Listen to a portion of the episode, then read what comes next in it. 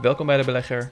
Vandaag hebben we een gesprek met een vastgoedmiljonair die sinds zijn dertiende al ondernemer is.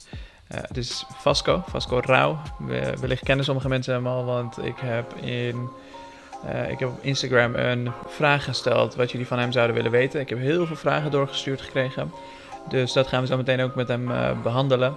Vragen zoals wat zou je doen als je nu 30k had? Zou je het in vastgoed beleggen of zou je het in aandelen stoppen? Uh, er wordt een vraag gesteld over of hij een oplichter is. Daar antwoordt hij uh, ook op. Er wordt een vraag gesteld over wat de waarde van zijn cursussen en dergelijke bijvoorbeeld zijn. Er worden vragen gesteld over hoe begin je nou met vastgoed beleggen.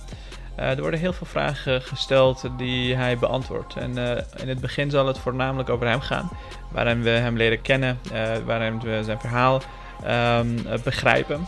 En uh, daarna gaat hij een aantal dingen vertellen over zijn ervaringen uh, tijdens het ondernemen. En aan het einde komt de QA. Dus uh, hele toffe aflevering vandaag. Ik ben benieuwd wat je ervan vindt. Laat het in de comments hier beneden achter, want het gaat een lange video zijn. Dus heb je hem tot het einde geluisterd en heb je er waarde uitgehaald? Laat het me weten in de comments. Met dat gezegd hebbende, um, eerst de intro.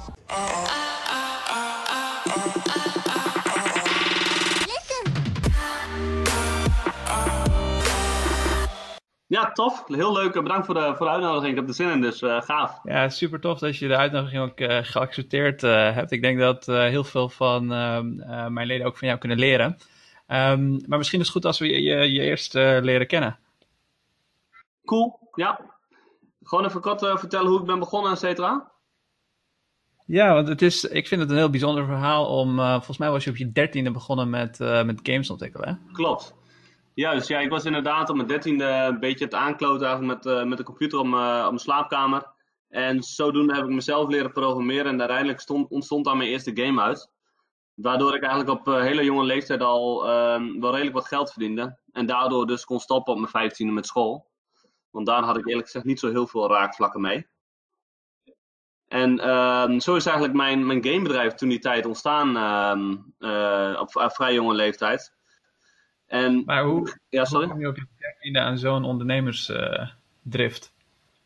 nou, het was niet zozeer dat het van een uh, ondernemersoogpunt werd uh, dat ik het deed, maar meer gewoon omdat ik het leuk vond. En uh, op een gegeven moment stuurde iemand via MSN toen die tijd een spelletje, dat heette Outwar. Dat was een tekstgebaseerde game. En terwijl ik die speelde, dacht ik, ik heb heel snel het idee van, um, oh, dat kan ik zelf ook wel maken, weet je wel. En dan had ik op mijn 13 ook al. Dus zodoende dacht ik weer, wat fuck ik ga zelf zo'n spel maken. En uh, omdat ik een van de eerste text-based games van Europa was, ging het eigenlijk best wel snel. Alleen ik had natuurlijk op dat moment geen, niet echt een ondernemersgeest nog, zeg maar. En uh, achteraf heeft er natuurlijk mega, mega veel kansen, een mega grote kans geweest om daar echt iets groots van te maken. Maar voor mij was het natuurlijk een perfecte stad uh, ja, in mijn ondernemerscarrière, zeg maar. En in het begin nam ik het ook niet heel serieus, dat moet ik eerlijk zijn. Dus was, uh, voornamelijk ging ervan, ging feesten, zeg maar, van het geld. En uh, uh, wat, wat een beetje life-changing was geweest, is geweest, zeg maar, dat ik op mijn negentiende vader werd. En dat was een moment dat ik zei van, oké, nu moet ik het wel serieus gaan nemen. Want ik wil mijn zoontje natuurlijk een fantastische toekomst kunnen geven. En dat is eigenlijk de omkeerpunt geweest in mijn leven van een beetje aankloten tot, tot het echt zakelijk te gaan bekijken. Ja. Ja, dus je deed eigenlijk iets wat je gewoon ontzettend leuk vond. Dat ging zo goed dat je, dat je er ook wat geld aan overhield uh, uiteindelijk. Yes, en dat was, um, dat was niet, niet de insteek, want uh, ongeveer, ik denk een jaar later, om mijn veertiende denk ik. Toen op een gegeven moment hadden wij, nou ik, denk echt honderdduizenden spelers denk ik. Um, en de hostingkosten kosten vlogen de lucht in. Dus je ging naar, naar 250 of 350 euro per maand. En mijn ouders die dachten gelukkig in, oplossing, in uh, oplossingen en niet in problemen. Dus in plaats van dat ze tegen mij zeiden van Vasco, die hobby voor jou wordt te duur. Zeiden ze tegen mij van hoe kunnen we ervoor zorgen dat wij geld gaan verdienen aan jouw game. En mijn moeder, mijn moeder speelde zeg maar altijd zo'n online bingo en je kon dan via de telefoon opwaarderen. En die zei van kan je dit ook niet in jouw game bouwen? En dat heb ik toen gedaan. Dus dat, op die manier verdiende ik mijn eerste euro's. En later kwam zeg maar Paypal erbij en uh, et cetera. Op je negentiende had je natuurlijk een, een zoon of een dochter? Ja, ja zoontje geboren, ja, klopt. En toen dacht je? Ja, toen dacht ik gewoon van, uh, ik ga er alles aan doen om mijn zoontje een goede toekomst te, te kunnen geven. En uh, ja, met, met die uh, mindset ben ik zeg maar begonnen. dus in plaats van, dan ging ik eigenlijk van de ene uiterste naar de andere uiterste. Ik was eigenlijk alleen maar aan het werk. En later heeft dat wel wat voor problemen gezorgd met mijn vorige relatie. Omdat veel te veel focus op werk lag. En dan groei je op een gegeven moment toch uit elkaar. Dus dat was wel weer een, een leerproces. Maar door die mindset natuurlijk, dat je er echt duizend procent van gaat. En niemand kan je tegenhouden. Ja, dan, dan over het algemeen, iedereen met zo'n mindset behaalt uiteindelijk succes, zeg maar. Ja, precies. En op een gegeven moment had je ook iets te verliezen, lijkt me. Ja, ja je bedoelt uh, uh, om 19 of wanneer bedoel je? Ja, dus uh, opeens heb je een baby natuurlijk en je hebt een relatie en dan heb je ook echt wat, wat te verliezen. Dan, dan gaat het niet meer alleen, alleen maar om jou. Exact, inderdaad. Dus dat, ehm, en dat is ook wel leuk dat je dat zegt, want de meeste mensen zijn, of weet je, het is een mens doet vaak meer voor een ander dan voor zichzelf. En dit is een voorbeeld ervan. Dus waardoor ze zeg maar tot veel hogere hoogtes kunnen groeien dan dat ze iets voor zichzelf doen. En inderdaad, voor mij was het dit, want ik woonde inderdaad toen nog thuis, toen mijn ex-vriendin zwanger werd. Dus je moest in één keer samenwonen. Je moest zeg maar het hele proces, uit, werd in één keer gestart. Waardoor je dan, uh, vind ik zelf, wel je verantwoordelijkheid moet nemen. En dat heb ik toen die tijd gedaan, zeg maar. Ja, ja precies. En um, je bent natuurlijk altijd ondernemer geweest ook, als, ik, uh, als ik het zo hoor. Ja, dus, um, ja dus buiten voor je, voor je kind, ehm, voor wie heb je nog meer iets gedaan of uh, meer gedaan dan, dan voor jezelf? Ja, ik denk toch wel, wel, continu mijn, mijn gezin, denk ik. Ik denk wel, dat is wel voor mij mijn drijfveer um, in eerste instantie. En nu is het meer voor, ook echt, nu is het echt voor meer de leden van de Millionaires Club. Want op een gegeven moment, doordat ik zeg maar zoveel geld heb verdiend met mijn gamebedrijf, uh, uiteindelijk eh, verdiende ik zeg maar een miljoen per jaar aan winst. Uiteindelijk heb ik een, is hij helaas wel gaan dalen, zeg maar, doordat de Google algoritme heeft aangepast. Maar op een gegeven moment hoef je in principe niet meer te werken. Omdat je vanuit je passieve inkomensstroom, heel veel huurinkomen, wat aandelen, et cetera. Hoef je in principe niet meer te werken. En dan ga je toch wel op zoek van, ja, hoe kan ik zeg maar... Uiteindelijk was ik op zoek naar een nieuw business model. Dat was dan de Millionaires Club. En dan moest ik doen zeg maar aan uh, mijn passies. Dus dat was uh, zeg maar programmeren en geld. Maar niet om het geld, maar hoe geld werkt. Zeg maar. Vind ik gewoon super gaaf om daarover te, ja, te, te lezen, te ontwikkelen, te verdiepen, et cetera. Het tweede was dat ik de, de mensen mee wilde helpen. En als derde, het moest weer dezelfde potentie hebben als zeg maar ehm, mijn gamebedrijf. Dus ik, dat ik er miljoenen mee kan verdienen, zeg maar. Want uiteindelijk zie ik, juist, dus, dus voor nu is mijn missie echt zeg maar om zoveel mogelijk waarde te creëren voor de, voor de leden van de Millionaires Club. Ja, en wat voor waarde kunnen mensen verwachten die lid worden van je, van je club? Nou, eigenlijk um, waar ze, um, de, we leren ze zeg maar stap voor stap hoe ze financieel onafhankelijk kunnen worden. Want in mijn optiek kan iedereen dat. Alleen de, vooral als je jong bent. Als je, als je wat ouder wordt, dan wordt het steeds moeilijker. De vraag is alleen wanneer word je, bereik je dat bij wijze van binnen 5 jaar, binnen 10 jaar, binnen 20 of binnen, binnen 40 jaar. Dat is afhankelijk van hoeveel geld je verdient met je business of werk. Maar in, in mijn optiek, als je zeg maar op tijd begint met beleggen en je investeert bij wijze elke maand 20% van je salaris of inkomen of winst, dan op een gegeven moment, als je dat zeg maar, maar goed, genoeg verspreidt en je haalt bij wijze gemiddeld 7, 8% rendement, netto rendement, uiteindelijk uh, uh, doet natuurlijk de compounding interest zijn werk wel. Waardoor je uiteindelijk financieel onafhankelijk wordt. En mensen, mensen denken vaak dat ze miljoenen euro's nodig hebben om financieel onafhankelijk te worden, maar dat is vaak niet zo. Maar ja, maar jij, jij, was in principe al financieel onafhankelijk in de ogen van de meeste mensen als je een miljoen per jaar verdiende natuurlijk. Ja, ik was um, op dat moment niet in mijn optiek financieel onafhankelijk. Want uh, financiële onafhankelijkheid betekent voor mij, maar dat is voor ieder persoon verschillend. Maar dat betekent voor mij, als ik zeg maar mijn huidige lifestyle kan voorzetten, wat er ook gebeurt, zeg maar. Stel, mijn gamebedrijf gaat naar beneden.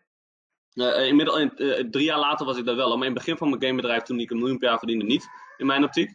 Maar in mijn optiek ben, ben ik financieel afhankelijk, zeg maar, als ik mijn huidige lifestyle kan voorzien. Vanuit mijn passieve inkomenstroom. Ondanks wat er gebeurt. Dus stel de aandelenmarkt daalt. Of de vastgoedindustrie die krijgt de tegenslag. Of in, in dit geval de Millionaires Club gaat niet zoals het gaat. Als zeg maar één of meerdere zeg maar, een tegenslag krijgt dat ik dan nog steeds in staat ben om mijn huidige lifestyle te voorzien, uh, zeg maar. Vanuit de, de passieve inkomen. Dat, dat, dat is in mijn optiek, vanuit mijn filosofie, zeg maar, financiële onafhankelijkheid. Ja, precies. En voor, voor een ander is dat uh, na zes ton al uh, financieel onafhankelijk natuurlijk. Want wat voor ja. een leven leid je dan? Ik ben wel benieuwd. nee, maar niet, niet extreem of zo. Hè. Ik, uh, ik denk dat ik, uh, weet ik veel, 10.000 euro per maand opmaak. 10.000, nou dat valt wel mee toch? Ja, vind ik ook wel, eerlijk gezegd wel. Dus dat um, uh, moet ik eerlijk zijn dat, dat het nu wel een beetje omhoog gaat. We zijn nu wel op zoek naar een nieuwe woning, zeg maar. Ja, die toch ook wel iets boven de miljoen kost. Maar dat was niet het plan, maar mijn vriendin is zwanger en we zijn al met drie kids, zeg maar, dat is wel de vierde. En het huis wordt zeg maar te klein. En mijn doelstelling was wel, zeg maar, om, op, um, om, een, om mijn volgende huis aan te kopen, wel met een zwembad, een eigen sportschool erin, et cetera. Dus nu word ik eigenlijk, doordat ze zwanger is, gedwongen om die stap wel te maken. Dus die, die uh, 10k die zal ongetwijfeld naar uh, uh, 13 gaan, bij wijze van spreken. Maar ehm, dan nog is dat zeg maar makkelijk te overzien met de huidige situatie die ik voor mezelf heb ontwikkeld, zeg maar. Waar ben je begonnen met uh, beleggen uiteindelijk? Of hoe, hoe begin je met, met het kopen van je eerste huis bijvoorbeeld? dat was inderdaad op mijn 26e, 25, 26e. Mijn ouders die hadden al acht woningen op dat moment. Dus dat was voor mij een makkelijke move om diezelfde stap te zetten. En op een gegeven moment had ik zes woningen of zo, of zeven ook. En ik zat op een Tony Robbins event. Ik weet niet, ken je Tony Robbins toevallig? Zeker. Ja, cool. Ik, um, ik zat op een van zijn events, dat was de Finance Event. Dus dan krijg je zeg maar een hele week lang van de beste sprekers van de wereld, krijg je zeg maar uh, uh, um, presentaties. En op een gegeven moment kregen we ook een presentatie van Ray Dalio. Hij is een vermogensbeheerder zeg maar, met 18 miljard. Echt een van de beste van de wereld, zeg maar. En die zei in zijn presentatie, het was niet live, het was via Skype, maar wel live via Skype, zeg maar. Uh, toen zei hij, zeg maar, van één keer in je leven gaat elke beleggingsgroep of inkomensstroom met 50 à 70 procent dalen. En toen ik dat hoorde, dacht ik van, oh Vasco, dat kan ook wel eens gebeuren met je gamebedrijf. Dus toen ben ik, zeg maar, meer focus gaan leggen op, op het uh, beleggen. In dit geval was dat vastgoed. En daardoor groeide ik al snel door die miljoen per jaar winst, zeg maar. En wat andere samenwerkingen daarnaast. Groeide ik eigenlijk vanaf die 8 of 7, 8 woningen, groeide ik al heel snel naar 110 woningen, zeg maar. En, en, inderdaad, wat gebeurde er ongeveer anderhalf, jaar later na die uh, presentatie van uh, Ray?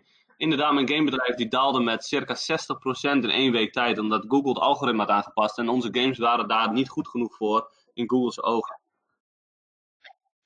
Dus dat was wel een, uh, een eye-opener. En, en, vanaf dat moment, zeg maar, vanaf die, vanaf die presentaties van die week, zeg maar, dat is ongeveer vier jaar geleden, vier, vijf jaar geleden, toen ben ik me extreem veel gaan richten, zeg maar, van hoe kan ik er nou voor zorgen dat ik mijn vermogen beter verspreid en beter beleg. En, en dat is natuurlijk in een mega snel uh, tempo gegaan, omdat je, zeg maar, inmiddels ben ik drie keer naar die event geweest van uh, de finance event van Tony, zeg maar. Um, ja, dan, dan, gaat het, dan gaat het mega snel, zeg maar, qua ontwikkeling. En die event is dan ook, een, is ook een besloten groep, zeg maar. Om daar aanwezig te mogen zijn, moet je ook lid zijn van zijn Platinum Partners. Wat, wat circa 100.000 per jaar kost. En dan kan je dus naar die event toe, zeg maar. Ja, tof. En daar leer je natuurlijk uh, ook ontzettend veel. Ja, daar leer je dus uh, echt e extreem veel. En um, uiteindelijk zie ik wel achteraf dat je wel tijd nodig hebt soms om dingen echt te begrijpen. Want uiteindelijk is het vrij, vrij simpel. Wat ze eigenlijk zeggen, ook zo'n Redelio, zorg dat je je vermogen voldoende verspreidt. Uh, liefst 15 on, on, ongerelateerde zeg maar, beleggingsgroepen die niet aan elkaar verbonden zijn, zeg maar, bedoel ik. dan, dan, dan gaat je risico met 80% omlaag. En ondanks dat ik dat zeg maar drie, vier jaar lang achter elkaar heb gehoord, heb ik eigenlijk, was ik nog steeds zeg maar voor 95% van mijn vermogen in vastgoed en ook nog eens allemaal in Emmen. En, um, dus ondanks dat ik het steeds hoorde, nam ik geen actie, omdat het zeg maar zo goed ging met mijn vastgoed. De huurinkomen kwam steeds binnen. Uh, ik hoefde me eigenlijk geen zorgen te maken. Totdat eigenlijk corona kwam. Nu, moest, nu gebeurde er niks aan mijn vastgoed. Maar er was wel een moment dat ik daar bij mezelf dacht, Vasco, je hebt nu zeg maar de afgelopen vier, jaar, vijf jaar heb je van de top of de top zeg maar uh, informatie gehad en, en presentaties. En je hebt er eigenlijk niet gehandeld zoals het moest. En nu ben je zeg maar zeg maar, een soort van de, de dans uh, ontsprongen bij toeval. Maar de corona is wel een voorbeeld van dat het ondenkbare kan gebeuren. Want als ik tegen jou zei, bij wijze van spreken, vier maanden geleden, van uh, over twee, twee maanden zit, is de hele wereld in uh, quarantaine en lockdown, et cetera, dan had je me waarschijnlijk voor gek verklaard. Ja, absoluut. Maar dat, exact, ja. Maar dat is eigenlijk wat er kan gebeuren in elke beleggingsgroep. Dus ook met vastgoed. En dat is eigenlijk het moment geweest dat ik Ehm, eigenlijk uh, ongeveer anderhalf maand geleden uh, nee, uh, ja, 36 woningen plus min heb verkocht. Om zo met dat geld wat ik daar dan weer liquiditeit van kreeg, om dat dan te gaan verspreiden in onder andere aandelen, obligaties, een deel in crypto. Om inderdaad, want ik was altijd wel een beetje actief in aandelen, maar nooit echt, niet, een, niet een verhouding tot mijn vastgoed, aangezien daar 90, 95 procent van mijn vermogen in zat, zeg maar. Ja, precies. Dus je bent uiteindelijk voor diversificatie uh, gegaan. Exact, want uh, dat is eigenlijk als je die hele events, ook die finance events, zeg maar, naar kijkt en dan meerdere sprekers, die zeiden eigenlijk continu, uiteindelijk kwam het op hetzelfde neer, zorg dat je verspreidt. En daar hamerde Tony ook steeds op. Dus dat, uh, dat is nu eigenlijk mijn, mijn focuspunt wat betreft mijn vermogen. Ook zeg maar om die financiële onafhankelijkheid te kunnen waarborgen, ook voor de toekomst. Ja, ja precies.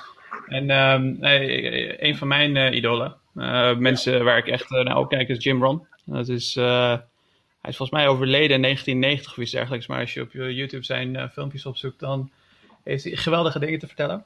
Yeah, yeah. En een van de dingen dat hij zegt bijvoorbeeld, is om een miljonair te worden, moet je zoveel pers persoonlijke ontwikkeling doormaken dat je een bepaald soort persoon wordt, waardoor je dus, stel je zou al je geld kwijtraken morgen, dat je dan weer miljonair zou kunnen worden. Exact. En, dat, je hebt helemaal gelijk.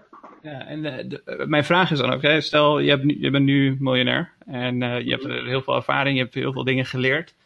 Mm -hmm. Stel dat jij morgen al je geld uh, kwijt zou zijn. Je bent, uh, je bent op nul. Um, Juist. En stel een van de luisteraars die zit in die situatie nu. Met de kennis die jij hebt, wat, wat zou je nu doen om terug te komen naar de lifestyle die jij nu gewend bent? Nou, ik denk dat de Miljonairsclub daar een mooi voorbeeld van, is. Ten eerste wat jij zegt, dat is eigenlijk ook wat ik uh, zeg bij de Miljonairsclub. Ik had bijvoorbeeld een event uh, in januari. Er was de doelstellingen ehm, bijvoorbeeld als daar. En inderdaad, ik had, ik had Jim Rohn ook als, als, als inspiratie gebruikt. En toen zei ik ook daar, van, dat, zegt Jim ook, van als je nog geen miljonair bent, dan zou je dat gewoon op je doelstellinglijstje moeten zetten. Niet om het om de miljoen euro's, maar om degene die ervoor moet worden, weet je wel. Om de kennis die je moet vergaren, de, de, connecties die je moet maken, de mensen die je moet helpen, de angsten die je moet overwinnen. Dat is uiteindelijk wat jij ook zegt, die persoonlijke ontwikkeling gaat ervoor zorgen dat jij uh, die miljoen euro, de, de persoon die ervoor moet worden inderdaad.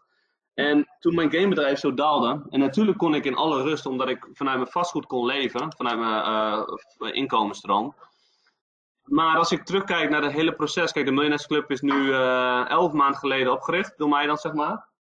Maar als ik kijk, qua investeringskapitaal heb ik bijna niks uh, uh, gebruikt. Ik heb bijna geen geld geïnvesteerd om het zeg maar tot een succes te maken. Het enige wat ik heb gebruikt is zeg maar mijn verhaal, weet je wel. Uh, gestopt op mijn 15e, zoveel vastgoed gekocht, bladibladibla. En ben ik gewoon mijn kennis gaan delen. Dus stel, ik, ik, ik raak nu alles kwijt ja, dan is dat natuurlijk een verhaal van ja, eh, zoveel miljoen vergaat, uh, uiteindelijk failliet gegaan, bla bla bla. Maar ik weet nu in ieder geval hoe het niet moet. En um, dan had ik bij wijze van spreken een soort gelijke de, de Millionairesclub op kunnen starten. Want de Millionairesclub die heeft nu inmiddels iets van uh, 3000 betalende leden. Dus dat, dat, dat gaat voor mij dit jaar alweer naar, um, ik denk sowieso wel een miljoen winst, zeg maar. Dat is super realistisch. En als ik kijk wat ik daarvoor geïnvesteerd heb, is gewoon mini, minimaal. Dus met antwoord op jouw vraag, wat, wat zouden mensen nu kunnen doen, is inderdaad kennis, kennis, kennis en actie ondernemen. Dus als ik bijvoorbeeld nu een business zou starten, dan heb ik voor mezelf een aantal regels waar ik aan moet voldoen. En dan heb ik bij de games heb ik dat in principe toegepast. Dat heb ik toegepast bij mijn uh, vastgoed in principe. En ook bij de Millionaires Club. En dat is zeg maar inderdaad een half, minimaal een half uur per dag zeg maar, je kennis verhogen op hetgeen wat je doet. Want waar het vaak misgaan, mensen die, die werken bij wijze van spreken wel 8 of 12 of 10 uur per dag. Alleen ze zijn gewoon vaak alleen maar aan het werk. En ze vergeten eigenlijk om hun kennis te verhogen. Terwijl je dat het belangrijkste is. Want daardoor ga je zeg maar die 8 à 10 uur per dag efficiënt te werken. Dus dat is voor mij een hele, hele uh, belangrijke principe. Dat heb ik ook bij de Meners Club gedaan. Want ik had geen ervaring over hoe je een cursus start. Of hoe je een community bouwt. Of uh, hoe je jezelf gaat um, representeren op Instagram. Weet je wel. Maar dat heb ik natuurlijk gedaan om elke dag gewoon mezelf daarin te ontwikkelen. Het tweede is mensen om je heen te zoeken of rolmodels te kiezen. Diegene die al hebben bereikt wat jij graag wil bereiken. Dus wat deed ik? Ik zag mensen om me heen die al in de cursuswereld zaten. Ik zag mensen om me heen die al veel bereikt hadden op Instagram, et cetera, et cetera. Ja. En als derde is van... Sorry, hoe, ga je, hoe ga je op zoek naar die mensen?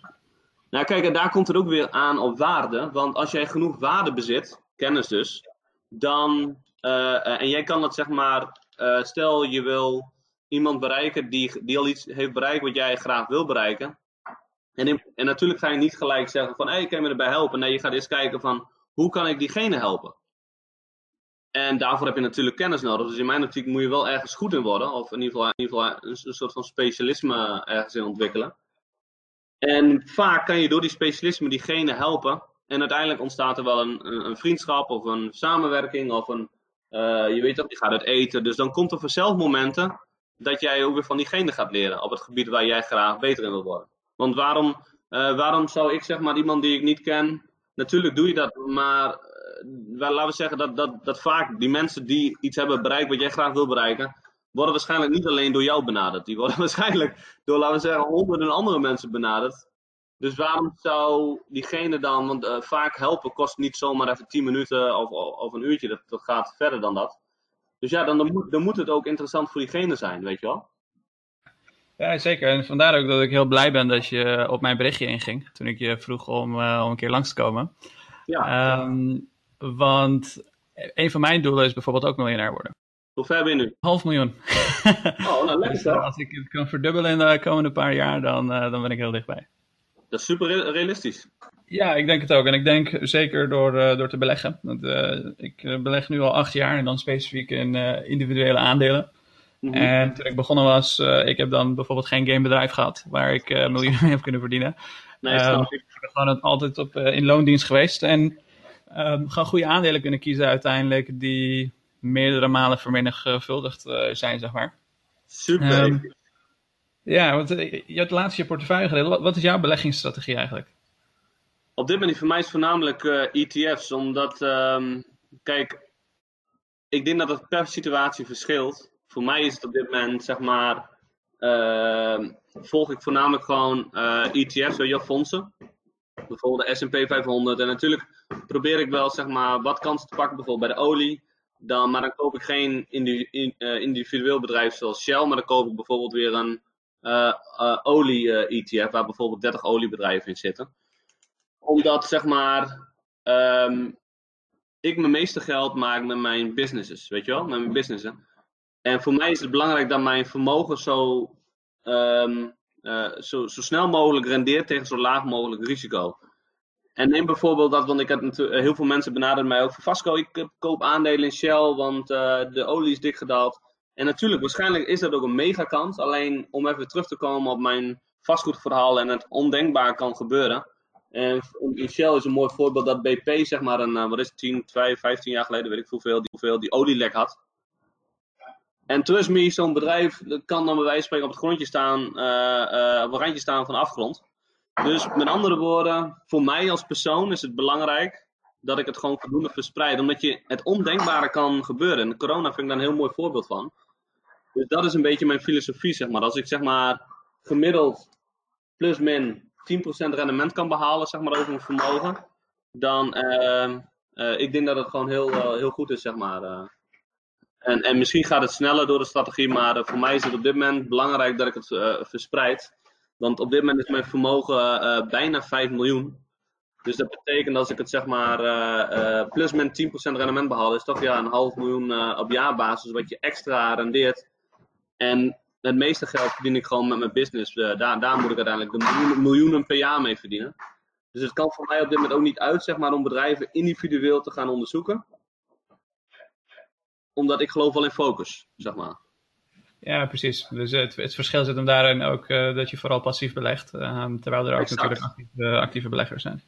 Exact, juist. Dus um, uh, ik denk dat wat jij beschrijft voor jou echt een mega goede strategie is, ook omdat je snel wil groeien. En ik denk wel, nou, oprecht, ja, individuele aandelen kunnen gewoon, die, die renderen gewoon veel sneller als je de goede keuze maakt dan de fondsen. Want dan pak je toch een gemiddelde.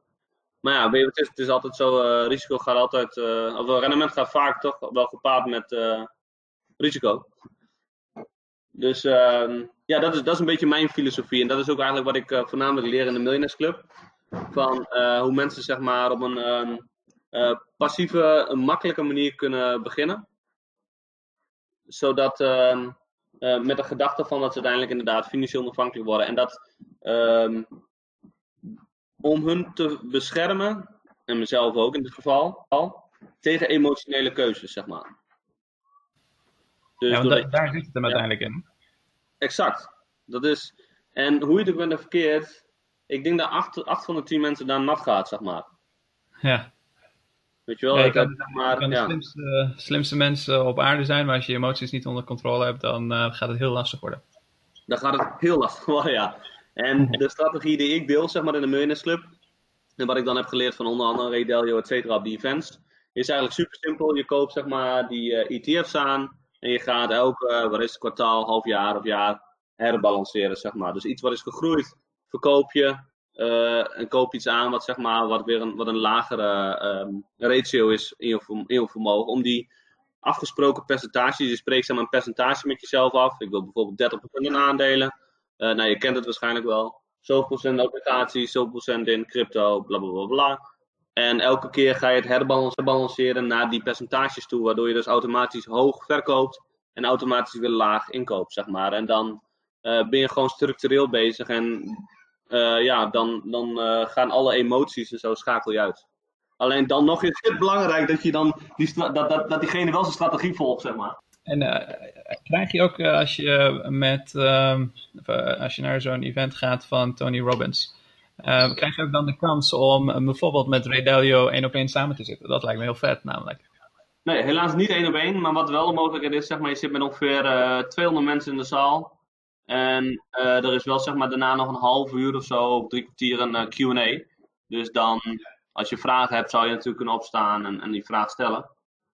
Maar uh, ja, het is wel geweldig, want kijk, als zo'n Ray ook, dat is wel echt raar en het is wel leuk om zeg maar gewoon anderhalf uur, twee uur naar hem te mogen luisteren, zeg maar. En hij gaat toch wat verder dan zeg maar de, de, de presentaties die hij zeg maar online doet, zeg maar op YouTube, et cetera. En dat komt waarschijnlijk omdat ik toch inderdaad ook met Tony weer wel goed bevriend. En het is een besloten groep. En al die mensen die daar zitten, die betalen 100.000 euro per jaar, zeg maar. Dus, uh, en, en dat is ook weer, daar komen we weer terug op waarde. Want um, ongetwijfeld zal Tony ook heel waardevol zijn voor een, eh, voor een Ray en vice versa. Dus waarde, waarde blijft gewoon, het, uh, het creëren van, van waarde blijft gewoon een mega belangrijk uh, um, ja, misschien wat het belangrijkste onderdeel van, van het vergaren van, van geld. Inderdaad, denk ik. Of je nou voor een baas werkt of niet. Want het is heel simpel. Diegenen die salarisverhoging krijgen of een betere functie in het intern, zijn degenen die het meeste waarde toevoegen. Omdat een baas natuurlijk uh, diegene niet kwijt wil. Dus die zal er alles aan doen, zeg maar, om zijn best presterende mensen te, te, te behouden. En dat zijn toch de mensen die de meeste waarde creëren voor het bedrijf. Ja, precies. En als ondernemer weet je dat natuurlijk als geen ander. Exact. Ik bedoel, uh, um, nee, inderdaad, ik, ik, had net twee punten, twee principes uh, besproken. De, zeg maar het, uh, het elke dag een half uur minimaal ontwikkelen op je skill waar je beter in wil worden. Waardoor je die acht uh, uur per dag, zeg maar, of tien uur per dag beter gaat presteren. Het omverzamelen van de juiste mensen om je heen. En een derde punt is inderdaad, of, of, of één, of, dus niet, niet op die volgorde per se. Maar ehm, de derde is inderdaad luisteren naar je klanten. En kijken hoe je de waarde kan vergroten. En daar gaat het vaak om mis. Mensen die gaan een half jaar of weet ik veel lang uh, werken aan een product die zij leuk vinden en dan lanceren ze. Maar bijvoorbeeld wat ik met de Millionaires Club heb gedaan, van het moment dat ik het bedacht heb, anderhalf maand later had ik zeg maar, uh, dat was puur omdat ik het platform moest bouwen en één video of twee video's opnemen, maar voor de rest was het nog niks, uh, had ik mijn eerste, eerste persoon die lid is geworden. En de reden dat ik dat gedaan heb, het was toen maar 27 euro per maand. En ik dacht ook bij mezelf, het gaat nu niet om die 27 euro, maar het gaat erom die mensen die zeg maar, op dat moment lid worden, die, die geven mij feedback. Waardoor ik zeg maar, het product zo kan maken dat het steeds waardevoller wordt. En die mensen die in die tijd lid zijn geworden, die, die betalen nog steeds 27 euro per maand.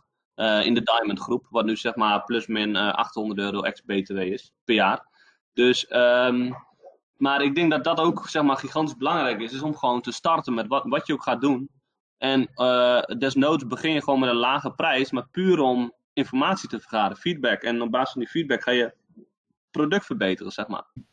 Wat je eigenlijk zegt is, eh, begin voordat je überhaupt er nog klaar voor bent. Want uh, je leert het meeste van je klant uiteindelijk, want zij betalen ervoor. Exact, inderdaad. inderdaad. En um, soms ben je er nooit klaar voor. Dus het is beter zeg maar, om gewoon te beginnen als je er niet klaar voor bent. Want dan word je wel klaar gestoomd. Want als jij met de rug tegen de muur staat, kan je maar één kant op en dat is vooruit. Uh, en, dat, en dat gebeurt gewoon bij mensen. En dan heb ik bij mezelf gewerkt met een miljonairsclub, ook meerdere fases in de miljonairsclub. weet je wel, het is toch in het begin ook wel uh, angstig om zeg maar op Instagram video's op te nemen. bijvoorbeeld, of een, in één keer een event te organiseren voor 200 man. Terwijl mijn, mijn vorige presentatie was een keer twee jaar daarvoor voor de Rabobank voor 30 mensen, snap je wat ik bedoel? Dus je wordt in één keer geforceerd om stappen te nemen. Ehm, die je normaal niet zou doen. Maar mijn, mijn filosofie is heel simpel. Op dat moment was de Millionairesclub uh, anderhalf maand oud of zo, twee maanden oud. En ik had op dat moment nog 200 leden. En die leden vroegen om zeg maar een event te organiseren. En er was, er was totaal niet mijn ambitie, had ik ook helemaal geen behoefte aan. Maar het is heel simpel. Waar de vraag naar is, moet je vervullen. Dus, uh, en, nou, inderdaad, op 5 oktober vorig jaar stond ik inderdaad voor 200 man, 200 mensen in mijn eerste event. Super, uh, was super episch. Maar normaal zou ik dat echt niet doen hoor. Want uh, als, ik, als, je, als, als, als ik er toen aan dacht, dacht ik van shit, dat, uh, dat, uh, dat is niks voor mij, weet je wel. Maar ook daarin geldt weer dat je gewoon direct actie moet ondernemen. Je moet het gelijk bekendmaken. Dus ik heb gelijk op, Insta of op Facebook, die Facebookgroep, heb ik het gelijk gezegd van, weet je, we gaan 5 oktober een event organiseren. Dan is er gewoon geen weg meer terug. En als je met de, met de rug in de muur aan zit, wat ik net al zei, dan doe je het wel. Dan doe je het wel. Ja. ja. Maar je zit jezelf dus bewust in zo'n oncomfortabele positie waar je eigenlijk geen andere keuze hebt dan te groeien. Exact. Exact. Dat is de, in mijn optiek de snelste manier om te groeien. Ja, maar ben je ook wel eens op je bek gegaan? uh, ongetwijfeld. Alleen, ik, ik, uh, mensen vragen me wel eens vaker. Alleen, ik, ik, zie het zelf bijna niet zo, zozeer. Of zo, ik weet niet waarom. Maar ik heb wel inderdaad domme dingen gedaan. Weet je wel, van uh, iets te impulsieve ehm, aankoop wat betreft games, weet je wel. Dat, dat, je, dat je dacht van ja, we moeten meer games, meer kwaliteit. Zonder daadwerkelijk echt goed te overwegen, eh, kocht ik 150.000 euro aan games, wat uiteindelijk misschien een keer 10.000 euro opleverde, weet je wel. Dus, uh, ja, ik kwam, maar niet echt zeg maar op mijn back op mijn back, denk ik. En dat, in mijn optiek gebeurt dat ook niet snel, zolang je maar doorgaat, zeg maar. Weet je, ja, maar ik denk, ik denk dat jij ook meer een growth mindset hebt. Hè? Dus dat, dat je juist leert van als je faalt, dat je daar gewoon. dat je dat niet als falen ziet, überhaupt, als ik het zo hoor. Nee, klopt, want de mensen vragen me het vaker, maar ik kan het heel moeilijk zeg maar, terugdenken aan momenten waar, dat ik denk van nee, helemaal niet, zeg maar. En het, en, het komt, en het komt waarschijnlijk omdat ik het ook zo zie. Ik zie het zeg maar elke uitdaging, of, of um, ja, uitdaging eigenlijk, is eigenlijk een moment van uh, Vasco, ben jij klaar voor de volgende level?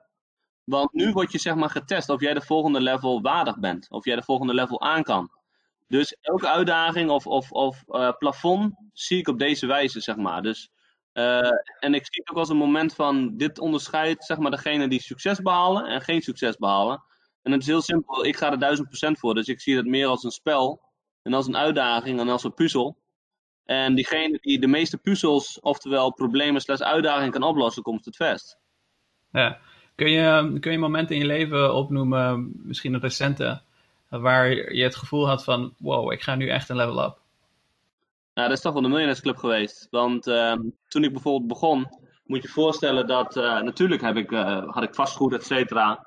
Maar het is heel, heel, simpel. Je wil je huidige lifestyle ook uh, voortzetten. En, en, en, verhogen ook natuurlijk. Want ik bedoel, stilstaan is ook doodgaan in mijn optiek.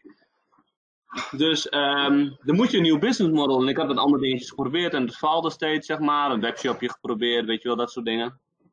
En um, uiteindelijk, zeg maar, met de Millionaires Club als idee gekomen. En, maar ik had, zeg maar, geen bereik op Instagram. Ik had toen op dat moment, geloof ik, 3000 volgers of zo, weet je wel. Ik had uh, geen ervaring met cursussen. Ik had. Uh, het enige wat ik had is mijn kennis, zeg maar. Dus, um, ik, dat, en, en nu sta ik, zeg maar, nu zijn we bijna een jaar verder en dan heb je uh, 3000 betalende leden. Inmiddels heb ik bijna 60.000 volgers op Instagram. Um, heb je een heel mooi platform staan met gigantisch veel. Je hebt een, ik heb een samenwerking met, uh, met, met, met, met en Boef, zeg maar, Rapper Boef. En zo, um, ja, dan denk ik bij mezelf, wow, wat er in een jaar is ontstaan is wel freaking, freaking veel. En uiteindelijk komt het wel weer, wat jij zegt, met die waarde. Want ik heb het alleen kunnen doen door zeg maar, wat ik de afgelopen 15 jaar heb geleerd, meegemaakt, et cetera, et cetera. Ja, fantastisch man. Het is echt knap wat je, wat je ook hebt uh, opgebouwd. Uh, ik zag uh, toevallig op Instagram Boef een aantal boeken signeren laatst. Klopt. Leuk. Gelijk, ja. Waar was dat voor? Nou, we deden een giveaway actie op, ehm, op onze Facebookgroep. En dan hadden we tien mensen, zeg maar, drie boeken weggegeven. Dus Think and Go Rich, How to Win Friends and Influence People.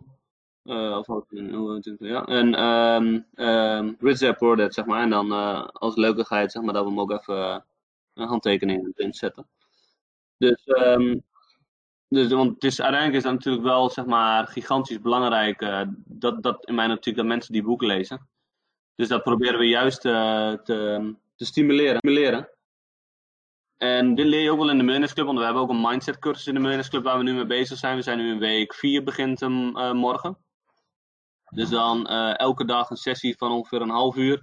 Waar we zeg maar stap voor stap iemand zijn mindset naar een hoger niveau brengen. En hoe ze uh, actie kunnen ondernemen, angsten kunnen overwinnen en, en daardoor uiteindelijk kunnen groeien. Want um, uiteindelijk is het eerlijk gezegd niet zo moeilijk. Alleen mensen moeten het weten en zichzelf tot actie aanzetten. En om jezelf tot actie aan te zetten heb je een bepaalde technieken. En als je dat gewoon uitvoert, dan gaat het gewoon gigantisch veel makkelijker af en sneller. Ik, ik, ik, heb ook op Instagram een aantal dagen geleden gevraagd wat ze van jou willen weten. Want de meeste mensen kennen jou. Dat weet je waarschijnlijk al. Ja, ja nee, dat is goed. ik, heb, ik heb echt heel veel vragen doorgekregen. Ik, uh, ik moet zeggen, ik, ik doe dit soort dingen vaker. Uh, maar bij jou was het echt heel veel vragen. Oh, lach, uh, ja. Dat is goed teken, denk ik. Ja, ik ga er een paar st stellen. Ik ga de ja, leukste eruit kiezen. Um, en dan ben ik benieuwd wat je ervan vindt. beste starterstip voor iemand die net 18 is geworden. Met betrekking tot beleggen, zegt hij. Uh, ik zou inderdaad wel gewoon starten met beleggen en kennis vergaren. En misschien in het begin uh, gewoon met een klein gedeelte een beetje ETF's aankopen, zeg maar, goed verspreiding. Ehm, en uh, want, want, door die ETF's worden ze, krijgen ze toch vertrouwen in mijn optiek. Want zonder zijn, kijk, weet, het is in de huidige markt ook. Het is zo fucking makkelijk om nu geld te verdienen. Dat is niet moeilijk. Heel veel mensen zijn begonnen. Je kan het ook zien aan de Giro wachtrij. En iedereen verdient op dit moment geld. Dat is niet moeilijk. In de huidige fysiek, in de laatste twee maanden, is het niet moeilijk geweest om de juiste beslissing te maken. En het gaat er juist om. Dus ik zou, als ik 18 ben, uh, zou zijn. En ik zou helemaal weer begin af aan. Uh, en ik zou mezelf advies geven. Dan is de stap met beleggen alsjeblieft. Want compounding interest is super belangrijk. Zorg dat je je financiële mindset en kennis naar een hoger niveau brengt. En naar een gigantisch hoog niveau brengt. Want als je jouw financiële kennis en mindset niet goed is ga je de verkeerde beslissingen maken op momenten dat de beurs gaat dalen. Want je wordt zeg maar uh, nerveus, je wordt angstig, want je weet niet wat je moet doen. Je weet niet wat de trends zijn. Je hebt geen verstand van bear market, bull market, zeg maar, hoe lang zoiets duurt, et cetera, et cetera. En dan ga je, dan ga je de verkeerde keuze maken. Ga hij. Dus, um, en kennis vergaan op degene waar je zeg maar beter in wil worden. Ik denk dat dat, uh, wat betreft beleggen, ja, super, ja, denk het wel. Gewoon starten, gewoon starten. Want mensen vragen wel eens van, ja, Vasco, uh, is het goed om met 50 euro per maand te starten? In mijn optiek, ja.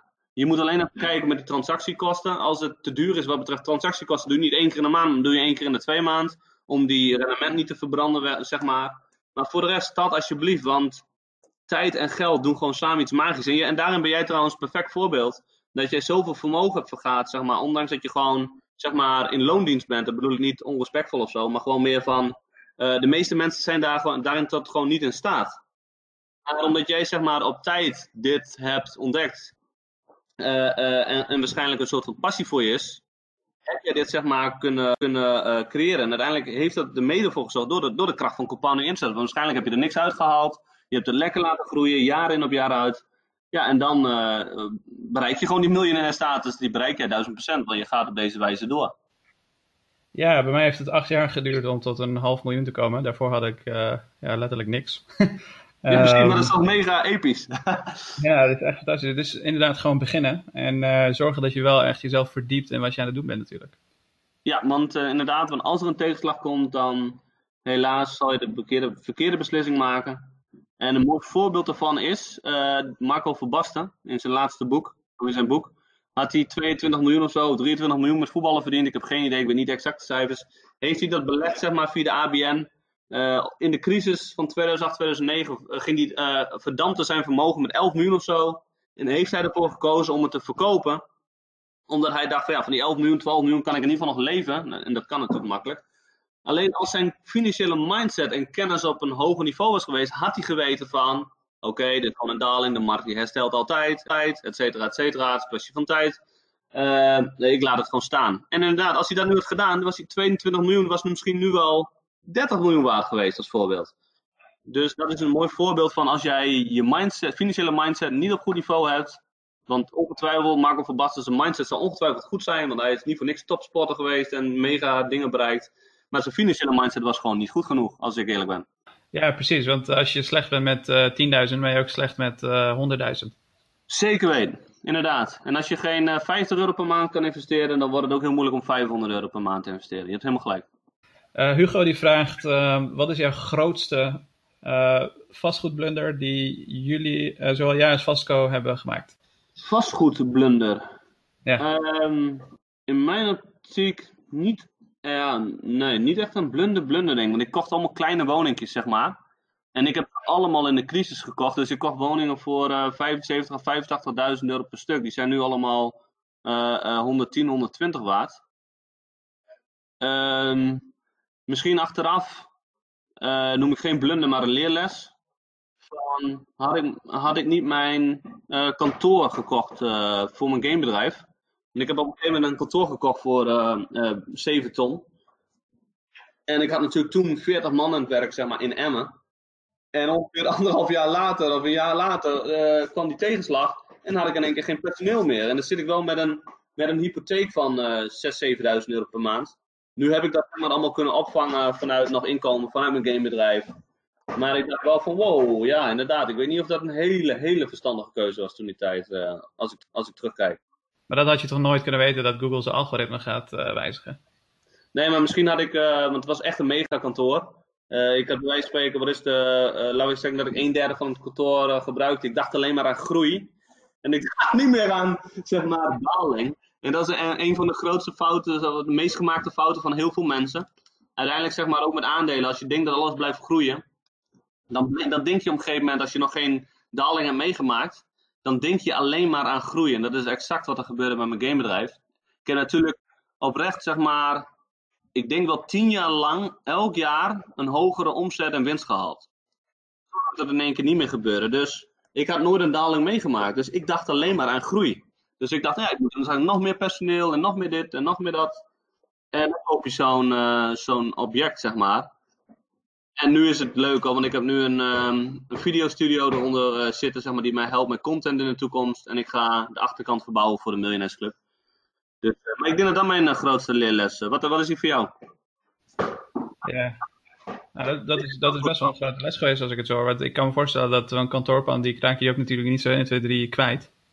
Nee, ik heb het nog geprobeerd te verkopen, maar uh, voor, in Emmen voor die prijs dan wordt het heel moeilijk. ja. ja, bij mij, um, uh, bij mij was ik had best wel fear of missing out uh, een tijd terug. Um, oh, ja. Ik heb best wel lang in het buitenland gewoond, zeven jaar. Ja. En um, ik heb het meeste van mijn vermogen heb ik vooral door beleggen. Maar toen ik naar Nederland kwam, wilde ik per se zo snel mogelijk een huis hebben. Weet je wel? Dus ja ik, ik, ik zat uh, met mijn ja, hoofd van ik moet uh, belegging en uh, verhuren, noem het maar op. En ik stond er helemaal niet bij stil om even gewoon, weet je, rustig aan, ademhalen, de stad leren kennen, waar koop ik de juiste huis en al dat soort zaken. Dus dat was, ja, ik heb uiteindelijk een huis gekocht ja. waar ik op zich wel prima mee verdien, maar ik denk dat er veel betere deals zouden, zouden kunnen zijn als ik dat, als ik dat, als ik in ieder geval een beetje rustig aan had gedaan. Ja, dus je hebt geen verkeerde aankoop gedaan, maar je had het betere kunnen doen. Ja, ja. Maar jij hebt 100 huizen, geloof ik, hè? Ja, nu niet meer, omdat ik er nu uh, eh, 40 plus min. Uh, ik had 36 vorige anderhalf maand geleden verkocht en nu weer 12. Uh, vorige week plus min, dus nu, nu een stuk minder inderdaad. Maar dat beheer je toch niet allemaal zelf, neem ik aan? Nee, dat was, dat was mijn visie ook direct, zeg maar. Vanaf dag 1 heb ik het altijd uitbesteed, zelfs met mijn eerste woning. Ik heb, ja. nooit, ik heb nooit één huurder gezocht, zeg maar. Ja. Omdat ik het ja, echt zie van. Ik, ja, dat is passief inkomen. En mijn visie is echt oprecht focus. Dus de Millionairesclub is nu al mijn focus. En gelukkig gaat het over beleggen, dus dat is wel mooi. Dus dat, dat is een mooie kruising, zeg maar. Dus waardoor je ook nog focus behoudt op je beleggen, et cetera. Maar ik geloof wel echt in focus. Dat als, als ik ergens heb focus, dat ik daar ook echt duizend procent moet voor gaan. En dan moet ik niet bezig zijn met huren zoeken of uh, problemen, zeg maar, in vastgoed. Ja, oké. Okay. Die vraagt, um, als je nu 30k had, zou je een huis kopen of beleggen? In de huidige... Oeh. is lastig, hè? Ja, dat vind ik wel lastiger, want ehm, ja, ik denk dat ik dat toch... Uh, wat is het afhankelijk van zijn inkomen? Stel, hij heeft een hele hoge cashflow. Nou, dan zou je een object kunnen kopen. Als je een hele lage cashflow hebt, dan zou ik waarschijnlijk toch kiezen voor uh, beleggen, want je bent makkelijk, aandelen is makkelijk liquide te maken. Vastgoed zit je vast, waardoor je zeg maar met een lage cashflow kan je dus in de problemen komen als er wat op de vastgoedindustrie gebeurt, of inderdaad. Dus afhankelijk van je cashflow, stel je hebt een hoge cashflow en je, um, je hebt bij wijze van spreken binnen een half jaar zo weer 30k bij elkaar ja, dan, dan zou ik misschien een vastgoedobject kopen. Maar uh, ik denk dat het beste is om gewoon te starten met aandelen en uiteindelijk daaruit bij je volgende 30k bij wijze van spreken een vastgoedobject aan, aan te kopen. Ja, denk ik wel. Ja, ja goede tips. Um, we kunnen heel lang zo doorgaan. Ik heb echt honderden vragen uh, namelijk voor je. Nou, tientallen. Lachen, ja. ik heb wel, ik heb wel tijd. Stel maar, ik vraag maar. Ja? Oké, okay. ja. laten we nog niet doen. Um, wat zou je anders hebben gedaan als je helemaal opnieuw mocht eh, beginnen en je bent weer 13? Vraag Nick. Goeie. Ik zou eerder beginnen met persoonlijke ontwikkeling. Ik heb echt zeg maar bewust, persoonlijke, bewust voor persoonlijke ontwikkeling gekozen. Al mijn 25, 26, toen mijn vorige relatie uitging. Toen dacht ik, oh, mijn business gaat super, super goed, privé gaat niet zo goed. Dus ik doe hier iets fout. Toen heb ik me gefocust op persoonlijke ontwikkeling. En ik wou dat ik, dat had ik veel eerder moeten doen. Kijk, weet je wat het is? Ik, ik, ontwikkelde mezelf wel, alleen niet bewust. Ja, bewust op het gebied van zakelijk, maar niet privé. Dus ik had, ik had eerder gekozen voor persoonlijke ontwikkeling. Dus als ik 13 was geweest, bijvoorbeeld mijn zoontjes die zitten hier nu naast mij. En uh, die moeten eigenlijk voor mij een half uur per dag lezen. vooral mijn oudste zoontje die leest bijvoorbeeld, welk boek lees je nu? Ja, nee, ik bedoel, de uh, Rijke Vader, Arme Vader lees je nu geloof ik, hè? Ja. Dus uh, die leest bijvoorbeeld nu uh, ja, Rich Dad Poor Dad, zeg maar, de Nederlandse versie. Dus die, die probeer ik deze, um, um, ja, deze, deze, deze zelfontwikkelingsproces al te, te laten leren. Want het is, moet ik eerlijk zijn, het gebeurt niet altijd uit onszelf. Maar weet het is onbewust, wordt er natuurlijk wel gigantisch veel zaadjes geplant. Dus ik denk dat dat de grootste voor mij is, zou zijn. Ja kom je toch wel weer bij kennis en waarde uit. Want door die kennis die je gaat op je dertiende, word jij. Kijk, um, de, de, wat, wat er gewoon fout gaat bij de meeste mensen is. Ze gaan natuurlijk naar school en dat is niks mis mee en dat is allemaal goed. Alleen je moet je bij stilstaan, die opleiding die jij doet, die doen waarschijnlijk 10.000 of 100.000 andere mensen. Dus jij bent uiteindelijk, bezit je net zoveel kennis als die andere honderdduizenden mensen. Dus als je beter wil worden, dus moet, moet, je, moet je naast je school iets leren wat andere mensen niet leren om daadwerkelijk beter te zijn dan de rest. En daar gaat het fout. Dat ze denken van ja, ik leer een opleiding, ik kan straks aan het werk en dan is het goed. Alleen dan moet je, ja, dan, dan moet je ook vrede nemen met, met, met de inkomen die uh, iedereen ook krijgt. Want je bent net zo goed als iedereen. Ja. Hey, toen jij bewust voor persoonlijke ontwikkeling ging, wist je dan precies waar je jezelf in wilde ontwikkelen? Nee, Later kom je op te horen met mindset en bij daar uh, hoor je al die termen, zeg maar. Maar kijk, het is nu hot, hè. Kijk, ik bedoel, iedereen heeft, of heel veel mensen hebben het over zelfontwikkeling, over cursussen, et cetera. Dat was natuurlijk uh, al mijn 25e minder, toen ik zeven, uh, zeven jaar geleden. Weet je wel, toen was het meer uh, motivatie, motivational speeches op, op YouTube luisteren. En op een gegeven moment hoor je heel vaak Tony Robbins. Dus Tony was ook een van de eerste die ik echt ging volgen in die zin. En dan later hoor je Jim Rohn, et cetera. Maar om mij heen bijna niemand. En ik weet niet, het is, kijk, het is nu meer door de hele Instagram, Facebook en, en, en, en je ziet het ook met uh, bijvoorbeeld superhelden. De superhelden vroeger waren bijvoorbeeld een Rambo, een Schwarzenegger, weet je wel, een Sylvester Stallone, een Rocky. Dat waren onze superhelden. Dat waren onze films, weet je wel, dat keken. En dat, waardoor wij ons dachten van, yes, fucking nice. Maar nu heb je zeg maar een, een Iron Man die zeg maar een criminele pakt, maar ondertussen heeft hij een gigantisch groot bedrijf en mooie auto's. En een Batman zeg maar die een insane empire heeft met een, met een butler, et cetera. Dus je ziet al dat er een soort van change is de afgelopen jaren naar zeg maar meer entrepreneurship, zelfontwikkeling, uh, lifestyle. En dat zie je zelfs al terug bij de, bij de films van de kids, zeg maar. Dus ik snap dat, uh, ja, dus dat, uh, ja, dus dat is eigenlijk het, niet bewust, maar ik wist niet waar ik naar op zoek was, maar het ontstaat dan als je er naar op zoek gaat, zeg maar. Ja, ja ik, heel herkenbaar, want het is, opeens is het je duidelijk hè, als je, als je een bepaalde kant ja, exact. En dat, uh, maar, dat, maar, zo werkt dus alles. En dat, en dat is misschien ook nog wel een tip naar de mensen van. Uh, laat je niet blind, uh, of, ja, laat je niet leiden zeg maar, doordat je iets niet weet. Want je gaat het pas weten als je start. Weet je wel, laat zeg maar, je, jezelf niet overdonderen dat je iets niet weet. Neem gewoon actie. Want heel veel mensen nemen geen actie omdat ze niet weten wat ze moeten doen. Bijvoorbeeld met vastgoed is ook een, is een voorbeeld van mensen die nemen geen actie om vastgoed aan te kopen, omdat ze niet weten wat ze moeten doen. Maar iedereen kan een eerste actie ondernemen. Bijvoorbeeld iedereen kan een makelaar bellen. En die makelaar zal ervoor zorgen dat je een eerste eh, object gaat bekijken. hoef je niet gelijk te kopen, maar dan begint het proces. Want die makelaar gaat bepaalde termen gebruiken. Die gaan bepaalde dingen laten zien. Waardoor, jou, waardoor jij weer wat meer, kan, uh, meer dingen kan opzoeken. Meer gaat leren, et cetera. Dus actie ondernemen inderdaad. Ja, dus ook voor degenen die nu van plan zijn om een verhuurpand of iets dergelijks, te kopen, zeg je, spreek met een makelaar. Die zal je precies vertellen wat je nodig hebt en wat, je, wat jij nodig hebt om dat te kunnen doen. Exact, ze, hebben in ieder geval, ze zullen in ieder geval je in een, in een uh, richting duwen. Uh, ze zullen altijd voor hunzelf praten omdat ze je wat willen verkopen. Maar ze zullen je wel in een richting duwen wat betreft kennis. En uh, ja, toch ervaring wat zij hebben opgedaan, delen ze met jou. Omdat je stelt nou eenmaal vragen, je weet weinig. Of, of, of neem actie bijvoorbeeld door uh, met een belegger te praten of een podcast te luisteren van iemand die al vastgoed heeft, zoals deze bij wijze van spreken, want we hebben die natuurlijk ook een paar keer over vastgoed gehad. Dat zijn zeg maar allemaal eerste zaadjes, zeg maar, wat weer een tweede uh, actie uit ontstaat. Dus je hebt een eerste actie genomen, er ontstaat vaak een tweede actie uit.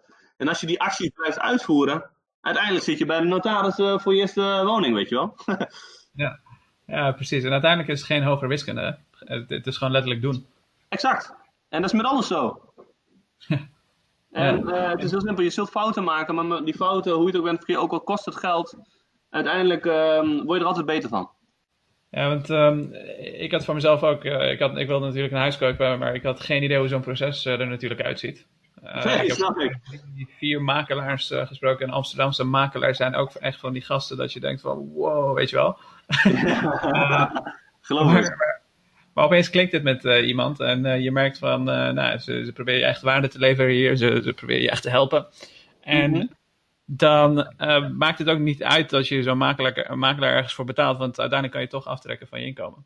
je hebt gelijk. Inderdaad, en dat, dit is een heel mooi voorbeeld. Jij hebt actie ondernomen. En van de ene actie kwam een tweede, en van de tweede kwam een derde, en voordat het weet had je je eerste pand. Dat is een, dit is een fantastisch voorbeeld voor, voor de luisteraars, moet ik eerlijk zijn nog een vraag. Uh, ik weet niet wat je hiervan uh, gaat vinden, maar ik denk, omdat het uh, drie of vier keer is voorgekomen, misschien goed om het wel te stellen. Um, ik ja. Arthur vraagt, is hij legit? Ik wantrouw eigenlijk al die vastgoed- en dropship ver cursusverkopers. Snap ik. Er zit een soort van um, vibe over de online cursussen inderdaad. Dat, um, wa waardoor ik daar ook word ondergegooid, zeg maar. Kijk, uh, het is heel simpel. Kijk, de meeste cursusstarters, uh, die, hun eerste business is een cursus.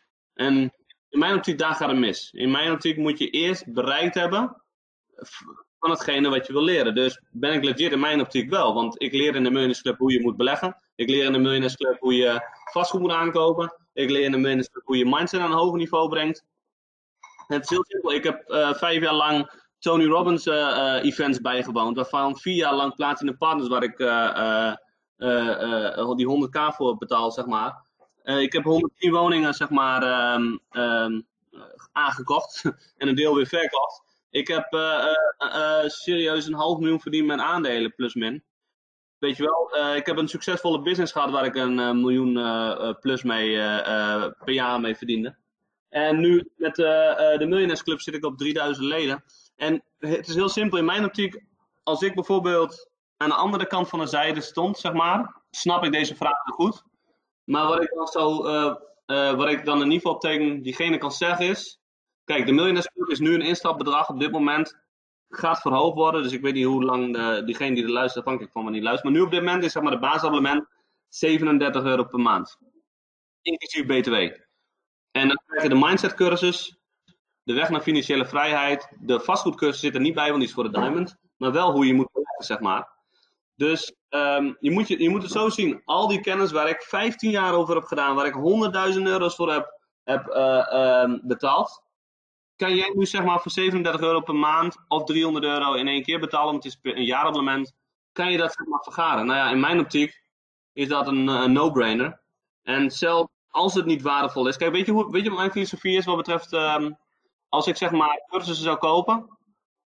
In principe heb je maar één inzicht nodig om de hele cursus waar te maken. En mensen zijn zo bezig, en dat, dat, is, dat geloof ik oprecht, en, dat, en daar gaat het in mijn optiek vaak mis. Ze zijn zo bezig van, is dit, is dit mijn geld wel waard? Maar dat is een verkeerde vraagstuk. Je moet jezelf vragen van, wat kan ik met deze informatie, wat ik zojuist heb geleerd, zeg maar, hoe, hoe kan ik dat gebruiken in mijn leven om mijn leven te, eh, of om, om, om het volgende uh, fase in mijn leven te bereiken? Hoe kan ik door deze informatie, hoe kan ik groeien? En dat is een hele andere uh, point of view dan dat je continu aan het evalueren bent van is dit mijn geld wel waard? Ja, ik bedoel, ja precies. Kijk, het is, dit is eigenlijk een vraag van waarde in dit geval. En ik denk ook dat het dus met een stukje mindset te maken heeft. Want kijk, zie je het als een investering, dan is het een vrij low-risk investering in iets waar je waarschijnlijk iets van gaat leren. Terwijl je hetzelfde geld bijvoorbeeld in een aandeel zou kunnen stoppen die een veel groter risico heeft en met 50% kan zakken. Dat had je misschien kunnen voorkomen door die cursus te volgen bijvoorbeeld. Exact, inderdaad. En uh, ja, wat ik net al zei, ik deel letterlijk de komende tijd, want de, de visie van de Millionairesclub is zeg maar, uh, je betaalt een lidmaatschap per jaar, je kan per jaar opzeggen. En ik blijf continu content toevoegen. Dus het is bijvoorbeeld nu de weg naar financiële vrijheid en mindset. Straks komt, komt er uh, marketing bij, maar die doe ik zelf niet, want ik ben zelf geen marketing specialist, maar die huur ik dan in. Ik ga zelf een ondernemerscursus maken en daar zal ik ongetwijfeld ook weer experts bij inhuren. Het is zeg maar een ontwikkelingsplatform. En, waar ik zeg maar mijn lessen en mijn filosofie en ook wat ik bij een business mastery van Tony heb geleerd, zal ik in een cursus werken. En, is dat een 300 of 800 euro per jaar waard? 1000 procent. Want je kan zeg maar in een jaar leren wat ik 10 jaar over heb gedaan. En dat is, dat waar Tony ook voor staat. Die, is continu bezig. Hoe kan ik uh, um, uh, in een paar maanden of in een, in een paar weken of in een, in een jaar leren waar iemand anders 10, 20 jaar over heeft gedaan? Op die, op die manier is, is, uh, behaal je succes. Ja, en uiteindelijk gaat het erom, geloven mensen jouw verhaal en hebben ze er vertrouwen in dat ze natuurlijk van jou, van jou kunnen leren. En dat is voor iedereen, moet, moet dat ze natuurlijk, uiteindelijk zelf bepalen. Klopt. Ja, en daarom, uh, ik heb deze ook wel eens gevraagd, uh, gehad, zeg maar, toen ik in het begin een beetje advertenties deed. Toen zei iemand ook van, ja, leuk verhaal. Ik geloof niet dat je zoveel vermogen vergaat. Toen heb ik inderdaad gewoon een screenshot van mijn um, KVK-uitdraai van uh, eronder gezet. Die kan trouwens nu iedereen, terwijl luistert, ook zien. En dan zie je ook dat, um, als je dat uitdraait, kost 5 euro geloof ik. Dan zie je inderdaad dat er gewoon een, gewoon een vermogen in mijn beheer-BV van 3 miljoen zit. En die andere 2 miljoen heb ik inderdaad in mijn box 3 met vastgoed um, uh, aankopen gaat. En dan kom je inderdaad op die, uh, die 5 miljoen uit. Dus um, als ze onderzoek willen doen en ze, ze twijfelen, wat, wat ik heel logisch vind en wat ik ook zou doen, want ik doe dat vaak ook. Maar dat, um, ik ben transparant, ze kunnen alles opzoeken, want alles wat ik zeg, heb ik meegemaakt, is waar. En ik snap wel dat, dat doen niet elke cursus-eigenaar, dus ik snap heel goed deze twijfel. Ja, precies. Ik denk dat de meeste mensen ook, als ze natuurlijk zien dat je, de, de, als ze bijvoorbeeld de Lamborghini Aventador zien, dat ze misschien zichzelf uh, vragen stellen van uh, hoe kan dat of zo, weet je wel. Mm -hmm. uh, maar ja, goed, uiteindelijk zijn dat, zijn dat ook mooie dingen die, die anderen van je kunnen leren. En ja, ik heb bijvoorbeeld mensen die bij mij lid worden, vertel ik ook gewoon dat ze niet om de verkeerde lid, redenen lid moeten worden. Weet je? Ze gaan niet bij mij een miljoen verdienen. Nee. Maar ze kunnen wel leren wat ik heb geleerd en de dingen die ik heb gedaan. En dat is exact. mijn manier van waarde aan hun leven uiteindelijk. Exact. En um, jij hebt er acht jaar over gedaan om deze kennis te vergaren. En zij kunnen bij wijze van spreken binnen een paar weken, een paar maanden leren. Nou ja, is ja. dat het geld waard? Duizend procent. Wat mij betreft een hele low-risk uh, investment. Uh... Zeker weten, want uh, uiteindelijk tijd is het een. Kijk, is als je kijkt naar succes. Succes heeft altijd tijd nodig. Je kan niet binnen een jaar succesvol zijn. Dus en de enige manier om dit te versnellen is zeg maar dit soort dingen te doen. Snelle kennis vergaren. Dus wat dat betreft, jouw voorbeeld is ook... Um, is een no-brainer voor mensen. Ik weet niet wat je lidmaatschap kost, maar ik weet zeker, um, het is die acht jaar aan ervaring waard. Duizend procent. Zeker, en uh, bedankt voor alle waarden die je vandaag uh, hebt toegevoegd. Topper, was leuk. I